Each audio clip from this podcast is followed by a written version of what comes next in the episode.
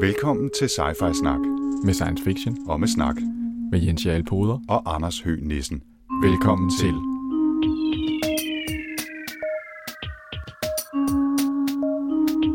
You're traveling to another dimension.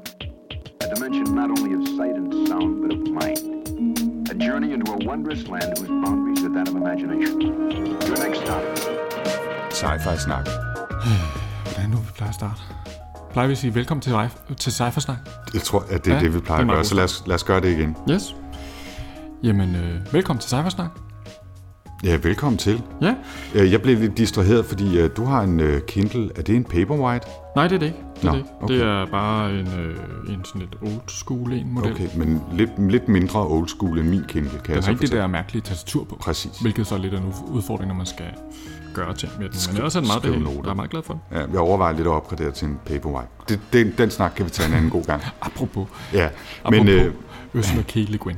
ja, præcis. Uh, the left hand of Kindle. Ja. Nå, øh, du siger Ursula K. Le Guin, det er jo det, vi skal læse den, eller har læst i den her omgang. Fortæl lidt om bogen. Yes, jamen altså, øh, Ursula K. Le Guin er jo øh, sådan en af de virkelig gamle, fine damer inden for sci-fi. Og hvis man ser sådan nogle top 20 lister over de bedste bøger, der er skrevet i science fiction, så vil der typisk være noget af hendes på. Jeg kender hende, jeg, jeg fik sådan et, øh, et øh, retro øh, nostalgia-trip, da jeg læste Among Others af Joe Walton, som var Hugo Awards vinder sidste år, som er den her fantastiske bog, jo, den skal man helt klart læse, øh, om en øh, mærkelig valisisk pige, der har magiske kræfter, men som læser groteske mængder sci-fi. Og hun læser hele tiden Le Guin. Hun elsker Le Guin. Og jeg kunne huske fra min egen øh, ungdom, barndom, dengang man gik rundt på biblioteker, og, øh, og det ligesom var der, man øh, spenderede halvdelen af sit liv, eller det gør jeg i hvert fald, Også mig. så læste jeg øh, Troldmanden fra Jordhavet. Som jeg havde, det var det eneste, jeg nogensinde havde læst af hende, men den bog gav en godt kæmpe indtryk på mig. Jeg synes, det var så fantastisk. Øhm, og så tænkte jeg, vi skal da læse noget Le Guin. Og så gik jeg i gang med at finde øh, ud af, hvad jeg skulle læse, og så fandt jeg frem til den her, The Left Hand of Darkness, som er, øh, vel nok må man sige, det som man betragter som Le Guins science fiction mesterværk. Den er fra 68, og den er en del... Wiki- Wikipedia siger 69. Nå, så er den fra 69, ja. lad os sige det. Mm. Det er i hvert fald gamle dage. Mm. Øh, og så er den jo øh, eksponent for det, som man kalder for feministisk science fiction. Og det kan jo godt få en til at løbe skrigende væk, tænker man umiddelbart. Men jeg synes egentlig, til betragtning af, hvor mange kvinder, der er med i den her bog, så er det til at overkomme. For der er faktisk, ikke, der er faktisk kun én kvinde, der figurerer i bogen. Fald Til aller, en- aller sidst. En rigtig kvinde. En ja. rigtig kvinde, ja. ja. Øhm, men det kommer vi ind på nærmere ind Ja. på senere. Øhm, men generelt set så handler bogen jo om øh, øh, Jin Li Ai, som er, hvad hedder det, øh, han er en øh, herol eller en udsending. budbringer, udsending, mm. som øh, er kommet til denne her vinterplanet, der hedder Geten, eller Getten, eller hvordan man udtaler det. Mm-hmm. Øh, og på den her vinterplanet Getten, der bor de her øh, meget mærkelige mennesker, øh, som er både kvinder og mænd på samme tid. De er hermafroditter. Øh, Getten er jo sådan en vinterplanet, hvor der er totalt skod at være. Altså det er iskoldt hele tiden, øh, og, og det, øh, det sænker ligesom, øh, tror jeg, den, øh, den, øh, den mentale, det mentale loft over de, de her mennesker, der bor på, på, på Getten noget. Altså for eksempel kan de slet ikke forestille sig at flyve. Øh, hvorfor skulle man dog det? Og sådan, altså, de er ikke sådan så, de er ikke sådan så fremadsynlige. De har det med at være ret hårdt præget af deres miljø. Men, men det spændende ved den her bog er jo, og det er det, der er det sand- feministiske går ud fra i den, det er det her med, at det jo ligesom er et eksperiment i at sige, hvordan ville et samfund være, hvis man ikke havde denne her øh, kønsdualitet. Man har ikke øh, mænd, der skal rende rundt og slå sig på brystet, og kvinder, der skal rende rundt og strutte og, og anerkende sig mænd. Øh, Og jeg siger bare lige, at man kunne høre Jens slå sig på brystet. Man kan ikke høre Jens strutte, men det gør han. Nå, det gør jeg også. Ja. Anyways, øh, så godt jeg nu kan. Mm. Øhm, og, og det er jo ligesom det, der er, er det spændende i den her bog, det er at undersøge den her kultur, som øh, Genli Ai kommer til, øh, i hans forsøg på at få dem til at åbne op for at blive en del af det her store pan øh, planetare øh, samfund, der hedder Økumenet, mm. som er 83 planeter, som, som har opnået Altså sådan det her bedre, øh, ideelle, menneskelige, kulturagtige med, vi er bare sådan lidt filosofer og har det skide godt og sådan noget. Dem hører man i virkeligheden ikke så meget om. Hele historien handler om, hvad sker der, da Genli Ai kommer til Gesen og møder de her mennesker, som har været fuldstændig afsondret fra resten af menneskeheden i mange, mange tusind år, øh, og har deres eget samfund, som er bygget op omkring den her øh, hermafroditkultur. Øh, og hvad sker der, når der kommer sådan en, øh, en, øh, en, en mand øh, ned til den her planet, og skal prøve at forstå deres måde at tænke på, og få dem til langsomt at vende sig til at skulle være en del af det her økomen, eller overbevise dem om det.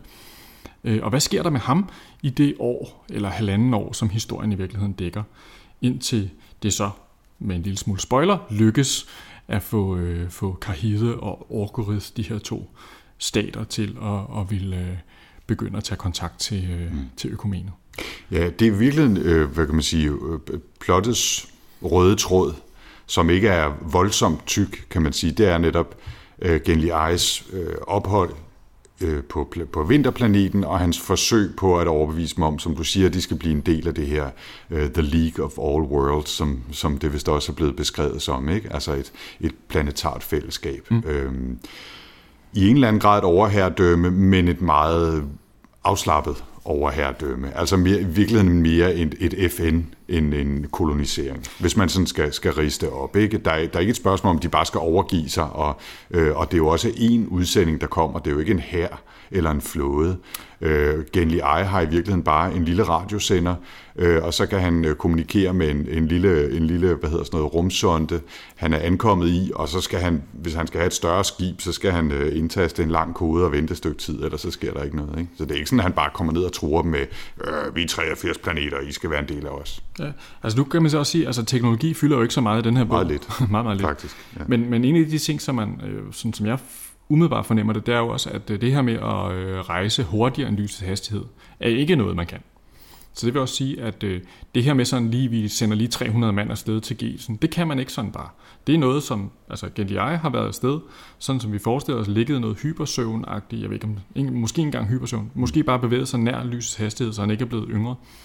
Ældre. Ældre. Heller ikke yngre. Så skal man bevæge sig hurtigere. Mm-hmm. Øh, og det gør jo, at hvad hedder det, øh, altså så, så hele det der med ligesom, at øh, det, det er virkelig sådan lidt, men man kan kommunikere via de der ansibler radioer. Mm. Og så kan man udveksle kultur og åndelighed og måske også noget handel. Mm. Jeg ved ikke rigtig helt, hvordan det fungerer. Øh, man, man kan downloade ting. måske. Med, med overlyshastighed. Jeg tror ikke helt, hun er nået der til endnu, Le Guin. Jeg synes, at computerne Planetary er ikke Bay. helt så imponerende. Planetary Pirate Bay. Yes. Så, så, altså, så ja, det er sådan et, øh, det er sådan, det er jo ligesom sådan et øh, spirituelt fællesskab nærmest mere, end det er...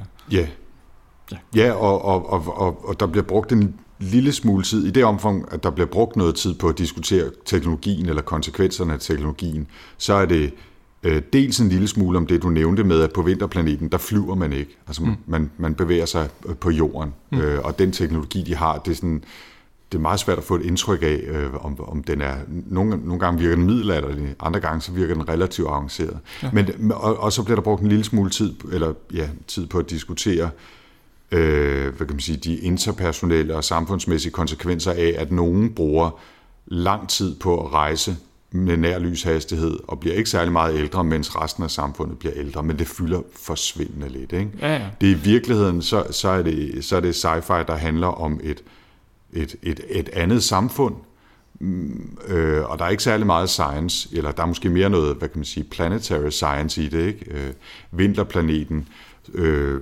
der bor de på et smalt bånd, som er beboeligt mellem to kæmpestore polar tæpper af is, som breder sig mere eller mindre. Mm. Og, og, og folkene på, på planeten her, øh, vinterplaneten, de har tilpasset sig i en eller anden grad. Det er ikke sådan, de har fået pels eller noget, men man fornemmer, at de har fået lidt tykkere skin, hvor Genli han går omkring og fryser ret meget. Ja. Så, så kan de, de synes, at når det er 4 grader udenfor, og, uh, og det ikke sneer, så, uh, så åbner de, øh, så, så opfører de sig, som vi gør lige nu, hvor det er 28 grader udenfor. Og jeg skulle måske lige sige, at i studiet her i Nordvest, der har vi åbnet for altandøren, fordi ellers så vil der være ulidelig hæt, og det betyder også, at man kan høre sikkert, øh, nu er det nu nordvest, nogle sirener øh, en gang med, med nogle biler og nogle, sikkert også nogle skyderier og sådan noget, ikke? Men altså, Altså, jeg synes, det er en dårlig bog at læse her om sommeren. Jeg læste den faktisk første gang, øh, da jeg var på ferie i Italien, hvor vi havde tænkt, vi tager til Italien. Mm. Vi forlænger sommeren en gang i oktoberagtigt, så havde vi bare ikke lige regnet med, at det var oppe i bjergene i sådan en stenhus, hvor det var nogle danskere, der havde henrettet, så de havde ikke lige helt forstået det der med, at man skulle altså bevare brændeovnen og ikke indstille elvarme, mm. som vi så havde fået at vide hjemmefra, ville koste 10.000 kroner om ugen, hvis vi varmede op med. Så vi frøs som ind i helvede. Og der læste jeg så den her bog første gang. Det, det, det matchede lidt bedre, Det- vil jeg sige. Ja, det, det kan Lå godt. der i min sovepose og bare frøs og læste ja. Left Hand of Darkness. Ja. Men folk, altså, nu, nu plejer vi jo at bruge, øh, som vi lige har gjort, en lille smule tid på teknologien, og det er jo altså hurtigt overstået, den her omgang. Ja, de, har, de har en lille smule nogle, nogle, sådan nogle bilagtige køretøjer med, med sådan lidt bælteagtige polarlastvogne i virkeligheden, ikke, som de knokler rundt i, og Der er også nogle varmeovne, som er ret avancerede. Sådan noget, Ja, med sådan, det- nærmest sådan en lille container, der bare giver varme. Ja, det er virkelig den eneste, sådan, som, de, som, som, øh, som der bliver brugt en lille smule tid på. Ikke? Det er de, de, den ekspedition, vi kommer tilbage til, men, men de har netop sådan en lille, øh, altså sådan en brændselsovn, som, man, som kører på et gram plutonium eller noget af den stil, ikke? som så kan køre i øh, to år og, og give varme og bruges til at lave mad på og, og give energi til, altså være sådan en slags universal batteri i virkeligheden, ikke? Mm. Øh, som, som er lille og kompakt nok til, at øh, det koster også kassen, ikke? men så kan man så altså også tage sådan en lille bakke med ud i et telt, og så kan man, så kan man klare sig i ret lang tid. Det er ligesom alt af sådan noget outdoor-grej. Det er skide dyrt. Ja, ja, lige præcis. det, det er sådan en outdoor-butik, øh, sci-fi outdoor-butik med små, små øh, brændselsceller. Det er øh, helt og sindssygt. Ja. Øh, men ellers, så, som du siger, så, så, bliver, så er fokuset på øh, Genly Eyes interaktion med især en, der hedder Estraven, mm. eller Estraven. Øh, vi ved ikke, hvordan man udtaler de her ting. Øh, endnu en af de der sci-fi-romaner, hvor det virker som om, der bliver brugt temmelig meget kapacitet på at finde på mærkelige navne, så man ikke kan finde ud af, hvad man skal udtale. Ikke? Øhm, men det er, en, det er en, øh, en, en højt placeret, jeg tror han er prime minister eller noget af den stil, øh, i, i det her land, der hedder Karhide, eller øh, ja. Karhide, øh, på, på planeten, Mm, og, og har, har i virkeligheden været han lidt svær at forstå for, for Genly Eye. Hvad, vil han det, eller vil han det ikke? Altså, at, at planeten skal blive en del af det interplanetare fællesskab. Men det virker, som om tingene går lidt i den rigtige retning. Mm. Men så, da romanen starter, øh, så sker det hverken værre eller bedre, end at han bliver erklæret for forræder, mm. Estraven, og bliver øh, øh, øh, smidt i fængsel. Eller, nej, han bliver... Øh, nu kan jeg pludselig ikke huske, bliver han smidt i fængsel først, eller bliver han... Han får ligesom en, Eller får han sådan en øh, udvisning? Får ligesom sådan en, øh, en øh, hvad kan man kalde det, en øh, indtil klokken 12. Efter klokken det er det, 12, der så er du øh, fri, fri, free game. Ja, Øh, ja så, kan, så han får lov til at flygte til altså, han udlandet i virkeligheden, eller til det næste til, land. Til ja. det andet land, der Ja. ligesom er, der hedder Det er sådan, det Orkyrez, foregår. Ja. Som ligesom de, de her to stater er ligesom i en konstant, øh, ikke krigstilstand, fordi der findes ikke krig på, på, øh, på Geten, Hmm. Men, men de er sådan konstant i øh, gnidninger med hinanden. Ja, de lever i hvert fald på forskellige måder. Ikke? Ja. Øhm, og, så, og så stikker han af der, og, og øhm, vores hovedperson prøver sådan lidt derefter at se, om der skulle være, øh, om jorden skulle være gødet for, for det her, øh, det her samarbejde, e- ekumeniske samarbejde, men det er der ikke rigtigt. Og han tager så også til, øh, det hedder Orgoregn, Ja. ja. det her andet land, Øhm, og, og, og der tror han så, hey, nu, nu, nu har jeg i hvert fald fået, øh, fået talt min sag, og de her virker som om, de er åbne. Og så bedst som han tror, at nu, nu går alting som det skal, så smider de ham i fængsel. Jamen altså hele pointen med, altså noget af øh, hele, det der er spændende, eller noget af det der sådan ligesom er den spændende ting, når man læser den her roman, det er, altså man forstår jo sådan som Genli Eye tænker. Man forstår ikke, hvordan de her Getenboere tænker. Overhovedet. De, deres hjerner fungerer på en eller anden mystisk måde, som man overhovedet ikke fatter. Mm. Og på den måde kan man sige, det, det, det er jo, øh, Genly Eye har sikkert en eller anden form for træning i at forstå, hvordan kvinder virker, men det her at forstå, hvordan hermafroditter virker, og hvordan de tænker, og hvordan deres syn på verden er, det, det, han er helt snot forvirret. De har et eller andet meget kompliceret æresbegreb, der hedder Schriftregor, som er sådan en slags indviklet, sådan lidt solkongeagtigt system, hvor der er alle mulige forskellige regler, og han fatter intet af, hvad der sker omkring ham. Og det er jo det, der i virkeligheden er kilden til mange af de her øh, problemer. Når Estraven prøver at redde hans liv og hjælpe ham, så opfor, gen, op, opfatter Genly Eye det som om, at han forræder ham, og, eller han, han, øh, han øh, forråder ham. Øh, altså, det, det, han er helt fuldstændig, han forstår ingenting i starten. Vel? Og, og, og øh, han tror bare, at man kan være ind med galosjer på, og, øh, og øh, som klodshans, og sige, hej her, konge fra Karhide. Nu skal du høre, vi kører her fra øh, Ekumenen, så nu øh, så sender jeg lige her, du med min ansibel, så er den i vinkel, og så kører vi bare. Altså, måske ikke helt, men det, det, er, lidt, det er sådan lidt sådan, han i virkeligheden kommer til at op, agere. Ikke? Det, minder, det minder mig rigtig meget om, når jeg har læst bøger, der, hvor, hvor europæere ankommer til Japan. Ja, præcis. Øh, for, jeg tænkte også på Lost in Translation, faktisk. Ikke? Ja, ja, og virkelig også moderne, men måske især for 300-400 år siden. Ikke? Øh, Shogun også. Lige præcis, ikke? fordi der, der er simpelthen, altså den japanske kultur er så bygget op omkring nogle æresbegreber, nogle respektbegreber, nogle kulturbegreber, som er så fremmede, især for hollænder og englænder i sådan 1600-tallet. Og det virker lidt på samme måde her. Det er selvfølgelig ikke kønsspecifikt ophængt, det der øh, japanske, men den der, det der clash med en kultur, som er det mennesker, der i en eller anden grad øh, ligner en selv. Det kan godt være, at de har, de har hvad hedder, lidt skæve øjne og gule i huden og sådan noget. Ikke? Men, men de, man kan sagtens se, det er mennesker. Mm. Men, men hele deres måde at tænke på er så radikalt anderledes fra det, man selv tænker, at det føles fuldstændig som en fremmed planet. Mm. Det her er så en fremmed planet, og det understreger øh, hvad hedder det, pointen selvfølgelig, ikke? men det er det samme mm. clash med noget. Men, men det her er så hængt op på, på denne her hermafroditiske øh, samfundsopbygning. Og, og, og ganske kort, så går det ud på, at de i de, de kører sådan en månecyklus. Ja. Øhm, og i, jeg tror, det er 26 ud af de 28 dage, der er de noget, der hedder semmer, mm. som er, der går de rundt og har i virkeligheden er nærmest intet kønnet. Ja. De har ikke nogen kønsdrift, de, nej, de, fungerer bare i samfundet. Øh, der man går ikke sådan og flørter med hinanden. Overhovedet ikke, og der er ikke noget, altså man kan faktisk ikke se på folk, om de er det ene eller det andet. Øh, det, det har mere at gøre med, hvad man laver, og hvor man er henne i hierarkiet, hvilken øh, interaktion man har med andre. Øh, så er der sådan en masse politisk spil, og hele det der Schiffgrathor øh, æresbegreb komplicerer jo tingene øh, vanvittigt meget. Men så to dage om, om ugen, skulle jeg til at sige, to dage om måneden, så er man så i virkeligheden i brunst. Mm. I og, kæmmer. I kæmmer, som det hedder. Og afhængig af, hvem man så øh, er sammen med, og om der er en eller anden tiltrækning, så sker der sådan en øh, hormonel øh, dialog, kan man sige, og så bliver man så enten kvinde eller mand, og ens øh, partner bliver det modsatte, afhængig af, hvordan det lige udspiller sig. Og i virkeligheden kan begge parter også blive gravide, og der er masser, som øh, oplever at føde, og så som i senere kæmmer er mænd, eller i andre kæmmer er mænd, og, og det hele er ja, meget, meget Have børn, som man selv har båret, Præcis. men også børn, som man så er far til. Ja. Det er meget forvirrende. Det, det er i hvert fald meget forvirrende for genlig eje. Fuldstændig. Mm. Og det, der så selvfølgelig er det interessante ved det her opbygning, det er jo, at ham for eksempel, øh, når Genji kommer ind og snakker med kongen, de opfatter jo ham som en freak, fordi han hele tiden er i kæmmer. Mm. Altså, han er hele tiden i brunst, og det synes de er meget mærkeligt. Altså, forestil jer folk, der hele tiden... Fordi, fordi det, det, sådan nogle har man også i kulturen her. Sådan cirka 5-7% af de her uh, Getenborgere, de har sådan en hormonel forstyrrelse, så de altid i virkeligheden er lidt i kæmmer. Mm. Og de her mennesker, der er det, de bliver tolereret, men de bliver opfattet som sager. Altså, fordi de jo hele tiden sådan lidt på, kører lidt på det der sådan, om måske kan vi lige få noget kørende. Og det er jo ikke sådan, det er mærkeligt.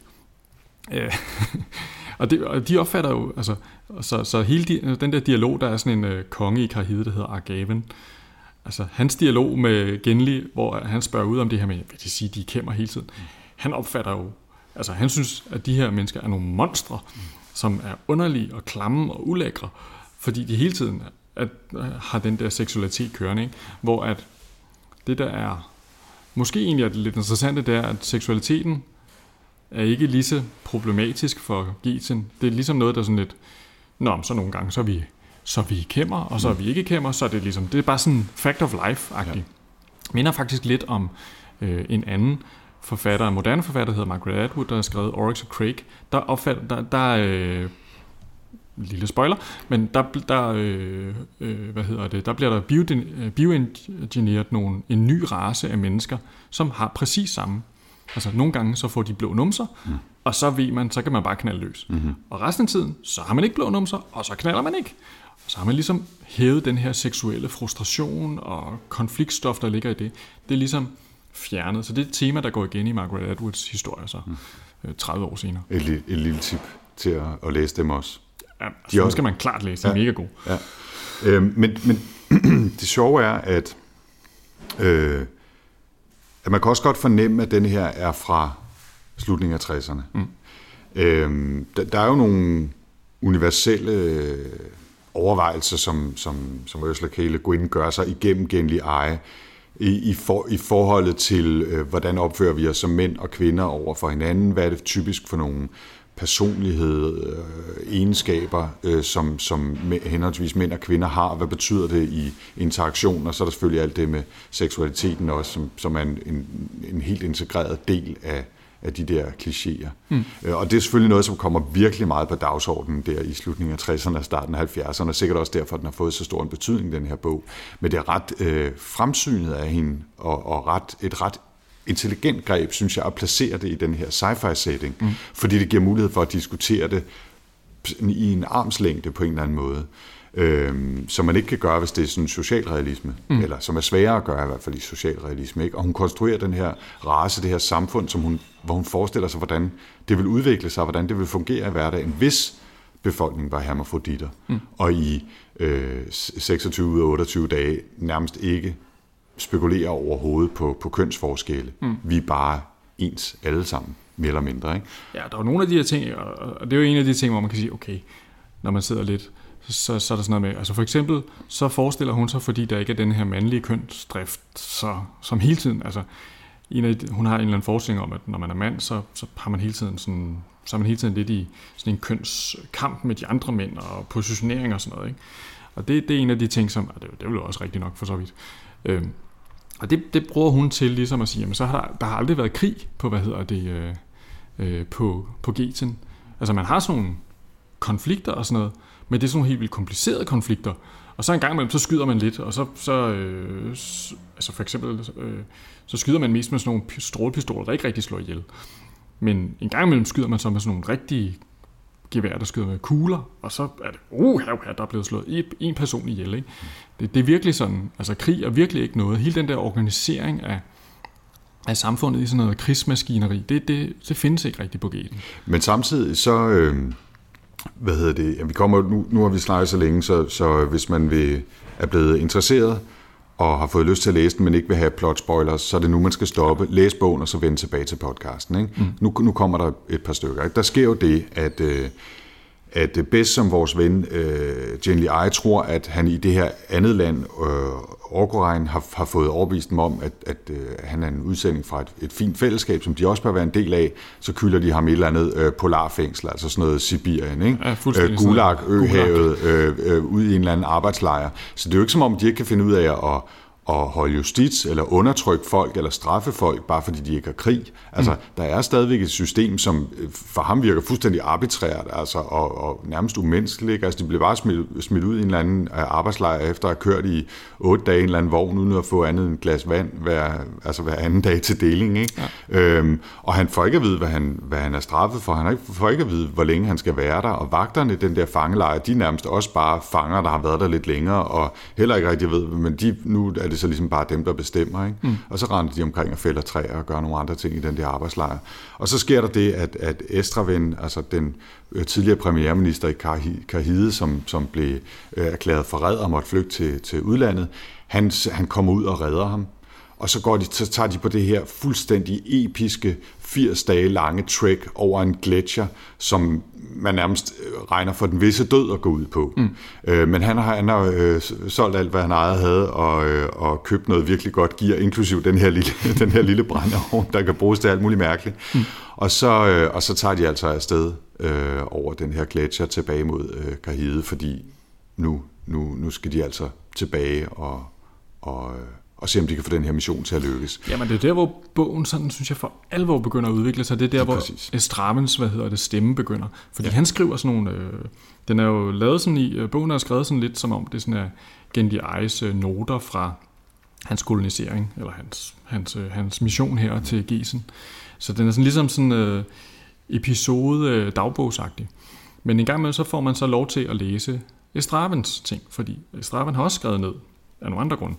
Men altså jeg synes virkelig, det er nu, den begynder at løfte sig bogen, ikke? fordi nu begynder man at forstå hele det der, og det er jo på denne her, det er jo nærmest sådan en slags dannelsesrejse, den her tur. Fordi indtil videre har Genli Ai bare været helt på den. Ikke? Han har slet ikke forstået noget som helst, og er blevet snydt, og Og de her to forskellige, meget forskellige kulturer, den ene sådan totalitær kommunistisk agtig stat, den anden sådan mere sådan feudal, øh, Japan-agtig stat, mm-hmm. familieorienteret med mange små nationer og en konge og sådan noget. Han har været helt forvirret. Nå, men nu kommer han ud på den der rejse henover, og der er det virkelig, at han lærer at forstå øh, alle de ting, han ikke har forstået omkring øh, Estraven øh, og Getsen.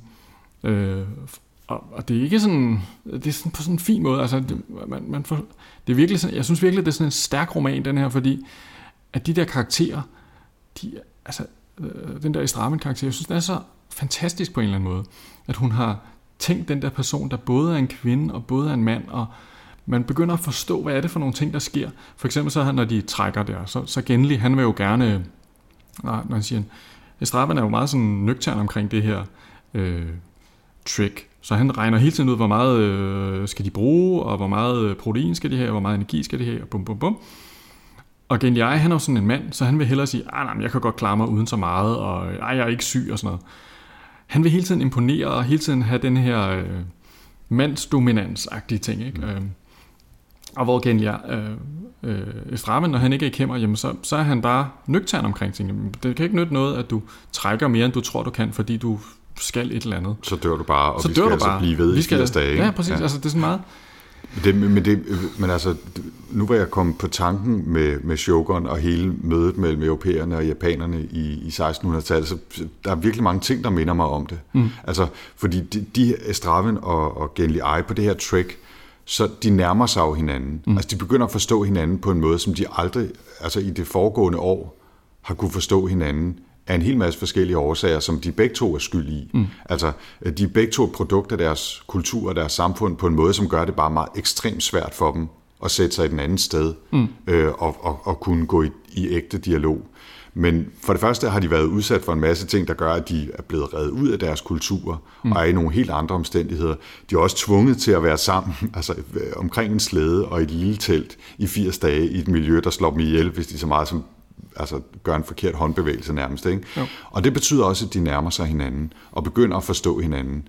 Øh, på samme måde som, som øh, nu kan jeg ikke huske, hvad han hedder, englænderen i, øh, i Shogun, begynder at lære nogle japanere at kende, som også begynder at forstå, hvorfor han siger og opfører sig, som han gør. Mm. Altså det er ikke sådan, at han bare bliver assimileret i den japanske kultur, og det er ikke sådan, at japanerne bare siger, hey, nej, det lyder som om, I har fat i den lange ende der mm. i England, men de nærmer sig hinanden meget ofte tvunget af nogle ydre omstændigheder, som gør, at de bliver reddet ud af deres vante gænge. Og sådan er det jo også her. Ja, fordi det er jo, når de begynder at have noget, hvor han kan mærke, hmm, hvorfor svarer du i enstavelsessætninger? Så begynder han i stedet for bare at blive fornærmet, så fordi de er tvunget sammen, så bliver de nødt til at udforske hinanden. Det er ikke for at spille shift mm. øh, eller det er ikke fordi, jeg ikke... Og de begynder, altså fordi Øh, Estraven har også sine begrænsninger for at kunne hjælpe eller at lære Genli at forstå, fordi i det der shift der er det nedladende at lære at hjælpe andre. Mm. altså det, hvis man hjælper andre, så kan det være et udtryk for, at man anser sig selv for at være bedre end dem, og så mister de prestige, og sådan Det er mm. helt stort. Ja. Øhm. Det bliver i hvert fald hurtigt meget komplekst, men han, han bliver også reddet nok ud af det til, at han begynder at sætte spørgsmålstegn ved, øh, Øh, ikke nødvendigvis rimeligheden af, at, at de har de der regler mm. i, i kulturen, men at der også skal være andre måder at leve på, mm. og at det bliver man nødt til at respektere mm. øh, og sætte sig ind i. I hvert fald, og, og det kan måske så være nemmere, når det er en udsending fra en anden planet, så, der, så har den person jo i hvert fald en rimelig god undskyldning for at leve uden for de regler og ikke rigtig kunne forstå dem. Ikke? Mm. Og men der er sådan en hel masse gode filosof, eller jeg ved ikke om det er filosofisk, men sådan uh, spekulative ting i denne her mm. bog, som er er meget fint lavet. Vi har, vi har slet ikke været inde på hele deres religion og sådan noget. Der er sådan en meget, meget mærkelig religion, de har, der hedder Handata, mm. øh, som nærmest er sådan lidt sindagtig, men på sådan lidt kaosagtig måde, hvor de blandt andet har, hvor øh, blandt andet opholder sig i sådan et kloster og lærer deres måde at være på i en periode. Det er også meget sådan spændende og original ting, der man bliver meget sådan... Og der, og der er også øh, nogle folk, som er profeter, altså ja. sådan organiserede profeter og orakler, som, som kan forudsige nogle ting om fremtiden, men som på klassisk orakelvis gør det så tåget, at, at det kan være svært at, at, at konkludere noget direkte på dem. Ikke? Øhm, og, og det er også en del af kulturen. Mm. Og i øvrigt en del af bogen, at nogle af de her øh, myter fra vinterplaneten og deres kreationsmyter og, og, og nogle af de historier, som, som har været med til at grundlægge deres måde at tænke på, de bliver også fortalt, mm. altså som, som under eller som kapitler ikke? Øh, i, imellem Genli Eyes fortællinger og noterne fra Estraven, så er der altså også de her kapitler med, med nogle myter og nogle historier om, om planetens fortid eller kultur. Mm. Og det er nok altså noget af det, som, jeg, altså, som rørte mig, da jeg læste den her bog. Det var, jeg synes faktisk, at det her var meget, meget dybt stykke arbejde, hun har lavet, når hun har skrevet den her bog. Ikke? At den, det er bare så... Altså, da jeg første gang læste ordene science, øh, feministisk science fiction, så tænkte jeg, dårlig science fiction. Det er det, der står der. Fordi at jeg, har, jeg, jeg, jeg er jo vokset op i 70'erne og 80'erne, og øh, blandt andet læst øh, sådan nogle, øh, siddet i dansktimer og læst nogle bøger, der hed Mænd kunne ikke voldtages og sådan noget. Altså noget, som virkelig var noget crap, virkelig, virkelig dårlig litteratur, men som havde de rigtige holdninger. Altså virkelig noget lort. Øh, det her, det er ikke dårligt. Det er rigtig godt, synes jeg. Ja. Fordi det kan det der, ikke? Øhm. Jamen for, for, for, lad, os, lad os sige, at vi er kommet dertil, hvor vi, hvor vi vurderer lidt mere. Jeg skal lige den sidste ting med. Okay. For noget af det spændende ja. er jo så, hele den her dannelsesrejse, hvordan at Genli Ai har været igennem det. Og det er jo sådan, måske, jeg ved ikke rigtigt, at det er sådan krøllen på halen, ikke? Da de så kommer ned, de her, han har nogle gesanter med sig, som har ligget i lyshastighed omkring planeten, mm. eller omkring solen, eller et eller andet. Og da de så kommer ned, og han ser de andre mennesker, dem som han i virkeligheden er ligesom, mm. og han ser for første gang, det er der den første kvinde kommer med, og han tænker, det der, det der møde mellem, nu har han været her, og han næsten er blevet en lille smule lidt ligesom de her Gesenborgere, fordi han begynder at tænke, gud, det var da utroligt, som de her kvinder, de går sådan ligesom hele tiden og sådan, og, gør sig til, og, gør sig til mm. og mændene er sådan nogle, og sådan noget. Jeg synes, det er sådan en rigtig fin, hvad hedder det, det der med, at han ligesom har begynder at se sin egen kultur udefra. Mm. Så, og det er jo så hele, altså det er jo så hele det der tænkning omkring den her lidt mærkelige måde at kolonisere planeter på, at man sender bare en enkelt person ned. Mm. Altså at den person, der koloniserer planeten, eller kommer ned og besøger planeten der, kommer også til at ændre sig selv. Mm. Øhm, og det er jo virkelig den rejse, man er på som læser. Også i starten, så synes man, at de her øh, Getenborgere er mega mærkelige og nærmest psykoagtige, underlige. Ikke? Og til sidst, så begynder man i virkeligheden at forstå nogle af de der mekanismer, der fungerer, og hvorfor er de, som de er, og begynder at kunne se nogle af de positive ting i deres kultur.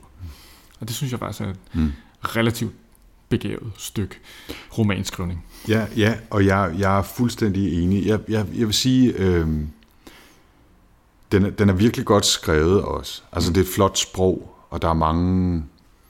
Man kan godt fornemme, at den er altså, over 40 år gammel. Ikke? Øh, men jeg synes virkelig, den er fint skrevet, og den, den, er, ikke, den er ikke svær at læse. Øh, den er ikke litterærlig, men den er litterært flot. Mm. Altså, og så er der alt det der, som der ganske ofte er med science fiction, at man skal altså lige bruge et stykke tid på at komme ind i det. Øh, folk hedder mærkelige ting. Øh, øh, man, man, man har ikke rigtig noget øh, sådan forestilling om, hvad det er for et samfund, eller hvad det er for en verden, man kommer ind i, og man er sådan altså pænt, pænt fucked i virkeligheden. Ikke? Altså det første kapitel er, virker som om, det nærmest er bygget for at få en til at holde op. Altså det er sådan det... en fnøflig, fnøflig procession med vokluklerne i... Altså det man er helt forvirret, når man læser det første kapitel. Det, det skal man lige over. Det, det skal man, øh, og, og det, det kan der så være en pointe i, kan, kan man så gætte på øh, en, en, en pointe for Ursula K. Le Guin, at man på samme måde som, som Genly Eye kommer ind i noget, man overhovedet ikke fatter en bønne af. Ikke?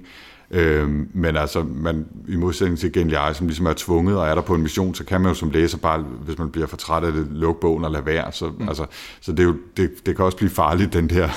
øh, men, men i det her tilfælde, der skal man helt klart blive ved. Ikke? Mm. Øhm, jeg, synes, øh, jeg synes, historien for alvor letter, da øh, da Genli Eje øh, kom ud i den der fangelejr, og man, straffen er blevet nødt til at flygte. Man, man læser hans noter om, hvordan han øh, skulle flygte og etablere sig i, i en anden by, og, og, og, og tage ud og befri Genli Eje deres trek over gletsjeren der. Det, det der. Men der er man også kommet langt nok ind i det, til at man forstår, hvad det er for en verden, man er i, hvad det er for en kultur, man er i, hvad det er for en, også hvad det er for en, en en, en filosofisk eller øh, socialvidenskabelig, kønsvidenskabelig diskussion, Ursula K. Le Guin skriver. Ikke? Altså, øh, og der, der tror jeg, man skal hen, før den for alvor griber, eller det var i hvert fald først der, den for alvor greb mig. Mm. Det betyder ikke, at den var dårlig derop til, men det var der, jeg for alvor tænkte, okay, nu, nu bliver jeg simpelthen nødt til at læse, hvad fanden sker der? Hvad, hvad sker der mellem dem? Der, der indtræder konflikten jo først for alvor, ikke? Indtil ja. der, der er det sådan ligesom i Det er ligesom sådan om vi har nogle forhandlinger i gang. Ja. Det ved man jo, at det er en klassiker fra altså science fiction fortællinger, der handler om øh, grænsestridighed og forhandlinger om det. Det er bare ikke spændende, vel? Mm. Altså, men der, hvor Agent I's eget liv kommer på spil, og han ligger der ved at dø mm. i en eller anden mærkelig øh, sci-fi gulag med... Øh, altså, Det minder mig om, om, øh, om The Incomparable øh, afsnittet om øh, Phantom Menace. jamen, det, er en, det var en lille øh, Det godt. subtil Det, intertekstuel det er godt, fordi det, det handler om, at, de, at, at der rulleteksten øh, ryger ned over, og det handler en hel masse om øh, handelsalliancer ja. og føderationer og politiske problemer. Det, Det det, må bare, det, gok. Og, og, og sådan er det måske en lille snært af det her i starten, ikke? Men, øh, Det er i hvert fald svært at, at, at kære sig en helt, helt Så- forfærdelig masse om. så synes jeg, øh, altså, øh, hvis man skal løfte sig en lille smule op, så, så, øh, så er denne her øh, roman jo øh, feministisk sci-fi på den måde, at det handler meget specifikt om en diskussion om kønsbegrebet, og hvad det gør ved os, at det er en hermafrodit kultur, eller ved os, siger man, mm. altså ved, ved samfundet. Øhm, og på, på, på, man kunne også godt gå lidt ud på øh, og, og, og våge, våge pelsen her og sige, at det er det måske også, fordi der er så lidt fokus på teknologien i romanen, og på beskrivelsen af, hvad det er for et samfund, altså hvordan det ser ud. Der er sådan lidt nogle vage beskrivelser af byerne, og, og den der lastbil, de, de polarlastbiler, der er det der, øh, hvad hedder det, komfur der, ikke? brændselscelle komfur, øh, de tager med ud. Men der, er- og der er meget, meget lidt teknologi og sådan øh, omverdens beskrivelse i det. Det handler meget om natur, det handler meget om interpersonelle relationer og hvad er det for nogle tanker, man gør sig. Og det, det er man jo ikke super vant til i sci-fi. Øhm, Slet ikke på det her tidspunkt. i hvert fald. slet, slet ikke på det her tidspunkt. Vel? Og det, og, laserpistol. Woo. Netop, ikke? Rumrejser. Det gør det til en, til en anden type sci-fi, som, som jeg har været rigtig glad for at læse. Ja. Øh, du, du fortalte en lille smule i starten, Jens, om, om, om, om dit møde med Ursula K. Le Guin. Og jeg kan huske, at, at jeg har faktisk kun læst en anden ting af hende, som, som hedder Himlens drejebænk på dansk. Øh, og det var sådan en bog, jeg købte på bogudsalg. Kan du huske, øh, når man engang købte noget, hvor man skulle sprætte siderne op? Ja, ja. Det var sådan en, øh, som jeg købte for en bøjet femøre på et eller andet øh, hollandsk udsalg i Helligåndskirken i 90 eller sådan noget. Ikke? Øhm, og øh, og den, den handler om, øh, så vidt jeg nu kan huske den, den handler om øh, en, en, et samfund, hvor, hvor, øh, hvor der er nogen, der får, altså på en eller anden måde, så er der en, der drømmer øh, om, hvordan tingene kunne være. Og de drømme omskaber verden, øh, sådan, så den bliver sådan, som den var i drømmene. Øh, men på sådan hele tiden sådan lidt perverteret måde, eller altså ikke perverteret, men forvansket måde. Mm. Så det eksempel, jeg lige kan huske, er, at når, når den her person drømmer om en verden, hvor, hvor folk er lige, hvor der ikke er racisme, øh, så vågner øh, personen op i en verden, hvor alle har fået sådan en underlig blågrå kulør. Øh, og, og, og, og så har samfundet lige pludselig sådan. Og det har en masse uheldige konsekvenser, at der lige pludselig ikke er nogen forskellighed. Øh, men det havde hun ikke lige regnet med. Hun, hun drømte for at, at gøre verden bedre. Mm. Øh, nå, men, øh, og det kommer der sådan en hel masse ud af, som jeg husker dårligt, fordi det er nu snart 25 år siden, jeg har læst noget, noget en stil. Ikke? Men på den måde, altså man kan sige, det er jo, det er jo sådan en, det er langt fra sådan mainstream science fiction, synes jeg, netop mm. fordi den er så spekulativ. Altså jeg, jeg kom til at tænke lidt på Philip K. Dick, nogle af de ting, jeg læste af ham og sådan noget, ikke? hvor man sidder og tænker, er det her overhovedet science fiction? Fordi at det virker som om pointen med det her er noget helt andet. Mm. Øhm, Ja, i virkeligheden så, så kunne det næsten lige så godt være, altså at, at man konstruerede et, et, et jordsamfund, hvor mænd og kvinder havde et andet forhold til hinanden. ja, ja, det, Og så kom der en besøgende udefra og skulle forholde sig til det.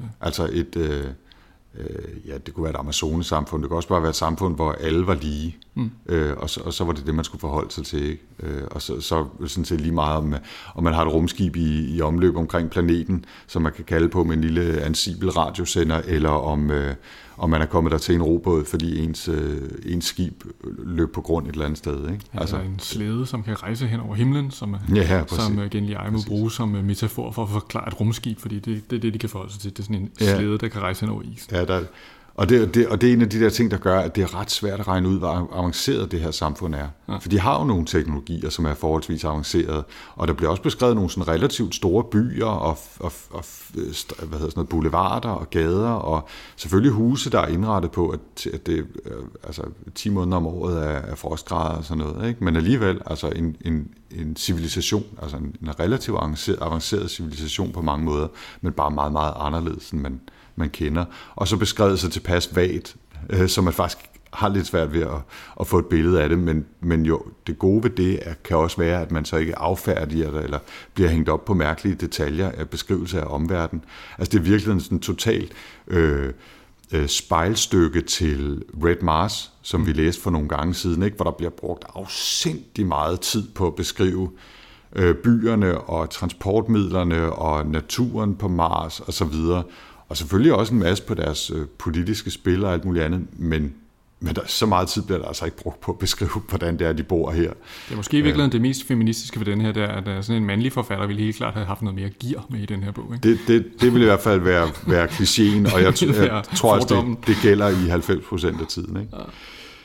Ja. Øh, nå, så en, en, øh, en, en klassiker, og en klassiker, der bestemt også er værd at læse så i sit eget værd, kan man sige, og ikke bare hvor, fordi det er en klassiker. Hvor, hvor klassisk synes du, hvor, hvor godt er du øh, tilfreds med den på en øh, Goodreads-skala?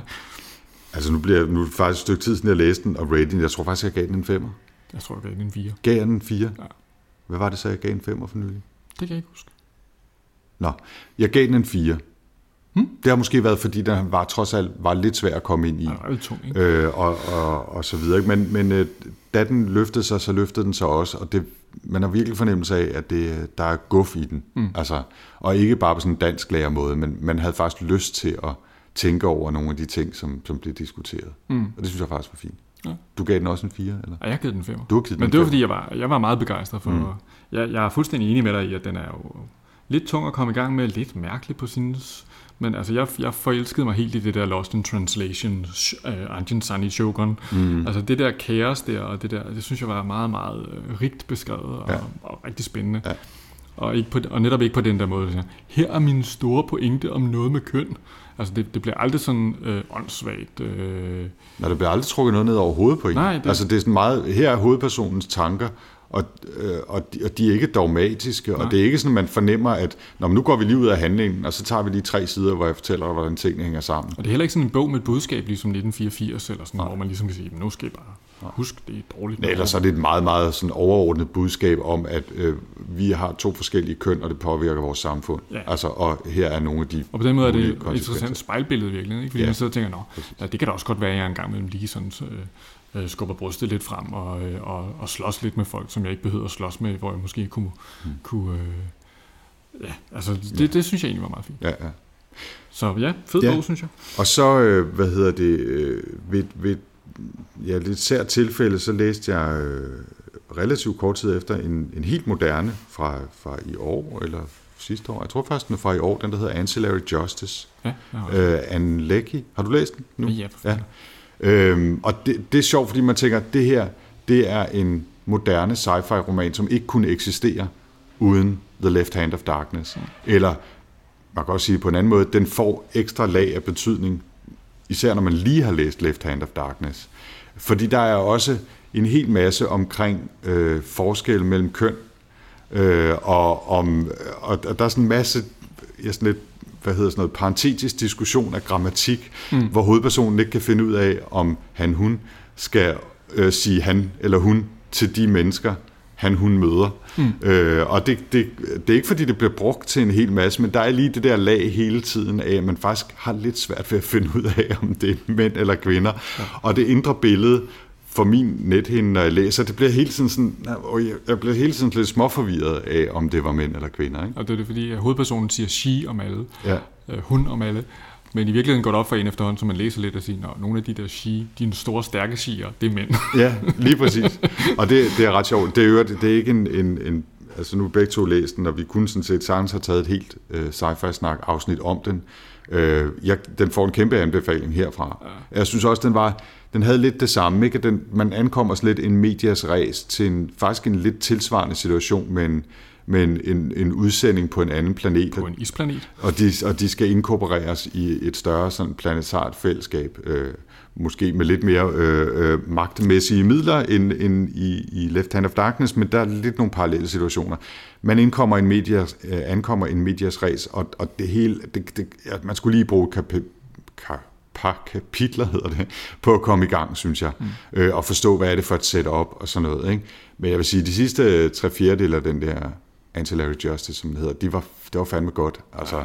det var virkelig, øh, det var, det var intelligent space opera øh, på den fede måde. Ja, men det er, også, det er jo bare fordi, der, i den bog er der også virkelig mange originale tanker. Ja, det er der. der den er nemlig skide original, og på den, på den rigtig, rigtig gode måde. Det er jo også, øh, hvad hedder det, vandt den ikke Nebula Awards? Det gjorde den nemlig. Ja. Og den, øh, det, det gjorde uh, Left Hand of Darkness jo også. Ja. Den vandt både Nebula og Hugo Awards, ja. som kun den anden bog i historien efter Frank Herbert's Dune. Mm. Nå, men nok snak om andre bøger. Nu skal jeg høre om den næste science fiction bog, jeg skal læse. Hvad skal det være for en? Ja, jeg har faktisk, altså som altid i tvivl, og der er jo, der er jo masser af ting at vælge imellem. Øh, jeg besluttede mig for, at vi har jo på vores gruppe på Goodreads flere gange spurgt folk om deres yndlingsbøger og som anbefalinger til ting, vi skulle læse. Og jeg ved... Jeg tror, vi har spurgt om deres yndlingsbøger. Det er en god idé at spørge om det. Det skal vi da spurgt om. Yndlingsrobotnoveller har vi. Det eller robothistorie, det har vi i hvert fald øh, spurgt om. Men uh, Orison Craig, uh, er det ikke den hedder? Jo. Uh, Margaret Atwood blev anbefalet derinde. Uh, den har du læst. Det er ikke den, vi skal læse nu. Uh, fordi det, det, er, det er snydt, at den har du uh, læst på forhånd. Så jeg, jeg har valgt en anden derindefra. Det er Thomas Løfgren, som har anbefalet en bog, der oh, hedder uh, Blindside af Peter Watts øh, som er lidt sådan en first contact roman. Jeg har forsøgt ikke at læse sindssygt meget andet om den, end at det er det, det, det går ud på, vores første møde med aliens, og øh, den får ret pæn omtale. Thomas Løfgren er super glad for den, inde på vores Goodreads-gruppe, og øh, så har den yderligere den fordel, at Kindle-udgaven af den kostede 2 dollar og 94 cents, eller noget af den stil. Så det er en meget, meget billig omgang, hvis selv hvis den skulle vise sig ikke at være god. Men den lyder god. Jeg synes, den lyder spændende. Og øh, øh, det, det er lidt et, et andet sted, end vi måske lige har været for, for nylig. Jeg synes, vi har været igennem nogle space-operaer. Vi har også læst sådan noget øh, techno-thriller-agtigt. Jeg, gen, jeg læste jo lige øh, Crux, som er øh, Rames Narmes efterfølger til Nexus, som vi talte om for nogle afsnit siden, som jeg faktisk synes er endnu bedre end den første. Mega fed. Super fed techno-thriller, øh, øh, som med, med masser af ramachan og gang i den, øh, og øh, ja, underholdende sommerlitteratur, hvis man skulle have lyst til at tage en ekstra. Men, men den officielle øh, bog, sci-fi snak bog til, til episode, jeg kan ikke huske, at vi er kommet til nu, 12 eller 13. Den næste Ej, i hvert fald. Mere. Er det, er det meget mere? Jeg kan ikke huske Nå, men den næste i hvert fald, det er Peter Watts' Blindside. Og tak for forslaget til Thomas Løfgren. Vi er endelig ved med at foreslå yes, yes. Øh, bøger, vi skal læse inde på Goodreads-gruppen. Jamen, så er der jo ikke så meget andet end at sige, øh, hvor kan man ellers uh, hænge ud? Man kan mødes på Goodreads, på Sci-Fi Snak-gruppen. Altid velkommen der. Ja. Hvor kan man ellers mødes? På sci-fi-snak.dk. Yes. Og så øh, er vi øh, jo også til at finde på Twitter og andre sociale medier, hvis man har lyst til at skrive direkte til os. Yes. Tak for den gang, Jens. Ja, god sommer. I lige måde. Hej.